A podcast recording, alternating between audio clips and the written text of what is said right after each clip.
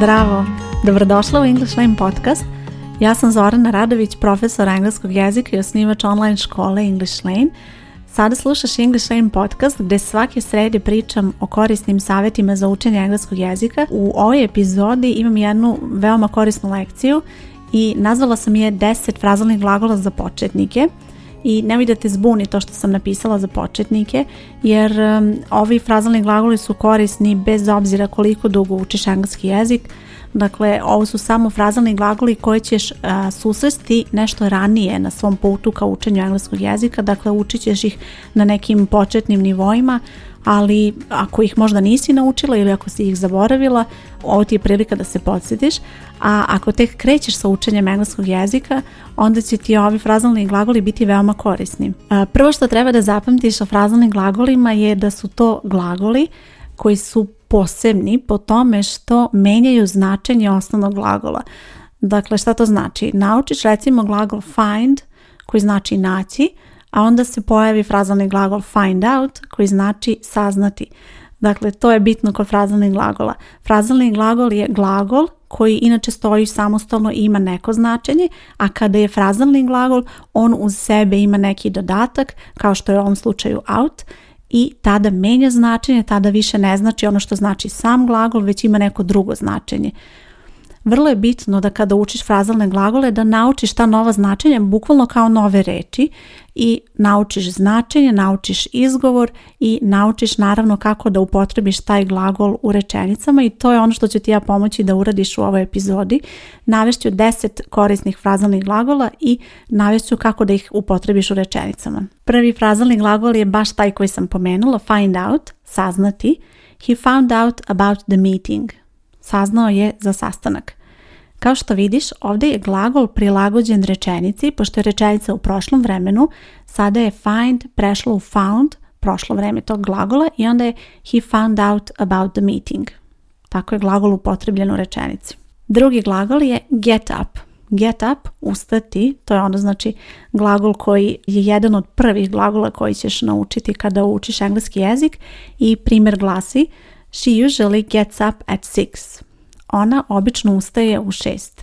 Ovdje imamo sada drugu situaciju, pošto je upotrebljeno she, glagol get ima nastavak gets up. Zato što je to treće lice jednine, u pitanju je vreme present simple, ali upotrebljen je znači glagol get up, ustati. Go back, vratiti se. Zapamti glagol go znači ići, a go back vratiti se. I sada ovdje imamo primjer. It started to rain, so we decided to go back. Počela je da pada kiša, pa smo odlučili da se vratimo. Go back, vratiti se. Kao što vidiš, kod nekih glagola možeš bukvalno iz tog glagola nekako kao da shvatiš značenje i to je nešto što će ti se dešavati kako napreduješ sa učenjem engleskog jezika i kako što više glagola naučiš, moći ćeš nekako i da povezuješ ta značenja, ali u početku je bitno da uvek značenje frazalnog glagola proveriš u rečniku i da naučiš zaista šta taj glagol znači. Sljedeći glagol je grow up, odrasti. I onda imamo primjer. She grew up in a small town. Ona je odrasla u malom gradu. She grew up. Ovdje imamo opet prošlo vreme i onda je glagol grow. U prošlom vremenu to je nepravilan glagol grew. Sljedeći glagol je glagol look for. Look inače znači gledati, ali look for znači tražiti. Dakle, kada upotrebiš tu frazu look for, onda ta fraza, to je taj frazalni glagol znači tražiti. I'm looking for my glasses. Tražim svoje naočare. I'm looking for my glasses. Dakle, taj deo rečenice gdje imaš glagol i imaš ovaj nastavak, to ovdje u ovom slučaju je predlog for, to je ono što čini taj frazalni glagol i ono što prenosi to značenje, u ovom slučaju značenje je tražiti. Sljedeći frazalni glagol fill in, popuniti, na primjer popuniti formular, fill in a form. I u primjeru to glasi ovako, we will fill in the form. Mi ćemo popuniti formular, fill in imaju u vidu da se glagoli kao što je ovaj, to jest frazalni glagoli pišu odvojeno. Dakle, nećeš napisati spojeno fill in, nego odvojeno fill in. Sljedeći glagol je put on, obući. Kao što znaš, glagol put znači staviti, a put on znači obući. Put your coat on, it's cold outside. Obuci kaput, napolju je hladno. I u ovoj rečenici primećuješ da je odvojeno put your coat on – to se dešava kod nekih frazalnih glagola i za sada to nije bitno, to je nešto što ćeš kasnije učiti, ali bitno je da kada učiš kroz primjere primetit ćeš vrlo brzo koji su to glagoli kod kojih se može odvojiti, a kod kojih se ne može odvojiti glagol od tog predloga koji sledi iza. Posle glagola put on, obući, uglavnom se uči i ovaj drugi frazalni glagol koji ima suprotno značenje skinuti odeću, take off i u primjeru to izgleda ovako – It's very hot in here. I'll take my jacket off. Veoma je vruće ovdje, skinut ću jaknu.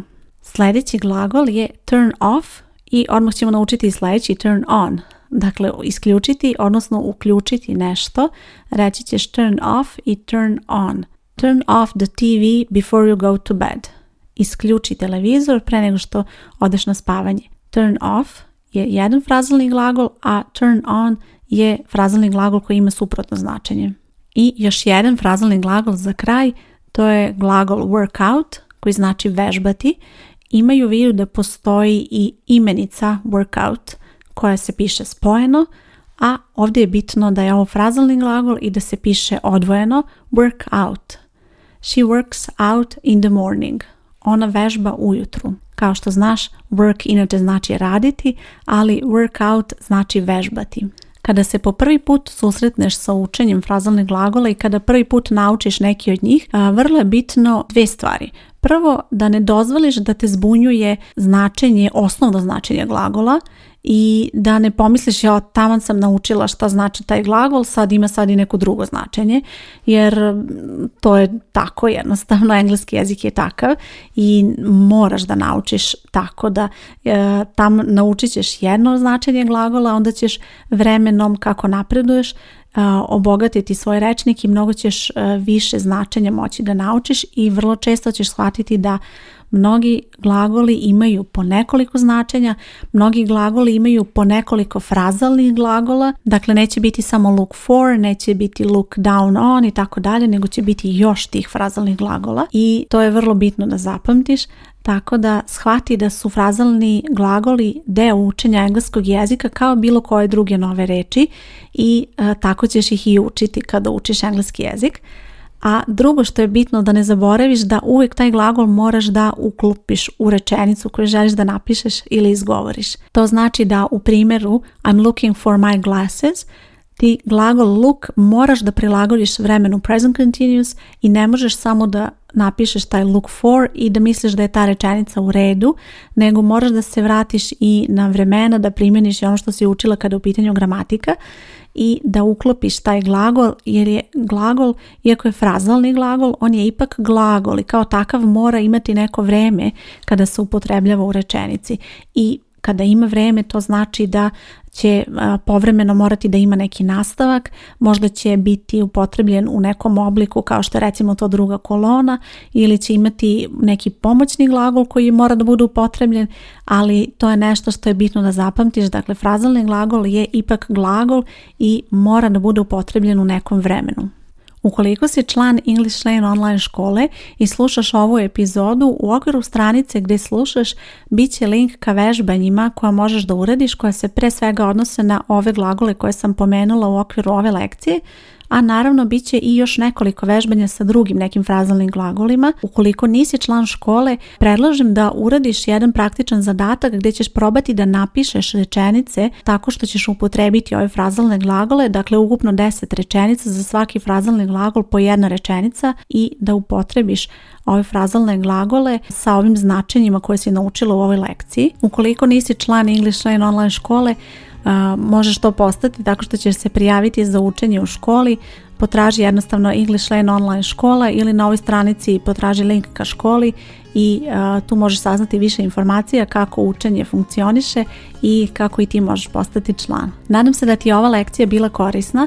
Ja sam Zorana Radović i čujemo se uskoro sa novim lekcijama i korisnim savjetima za učenje engleskog jezika. Ćao!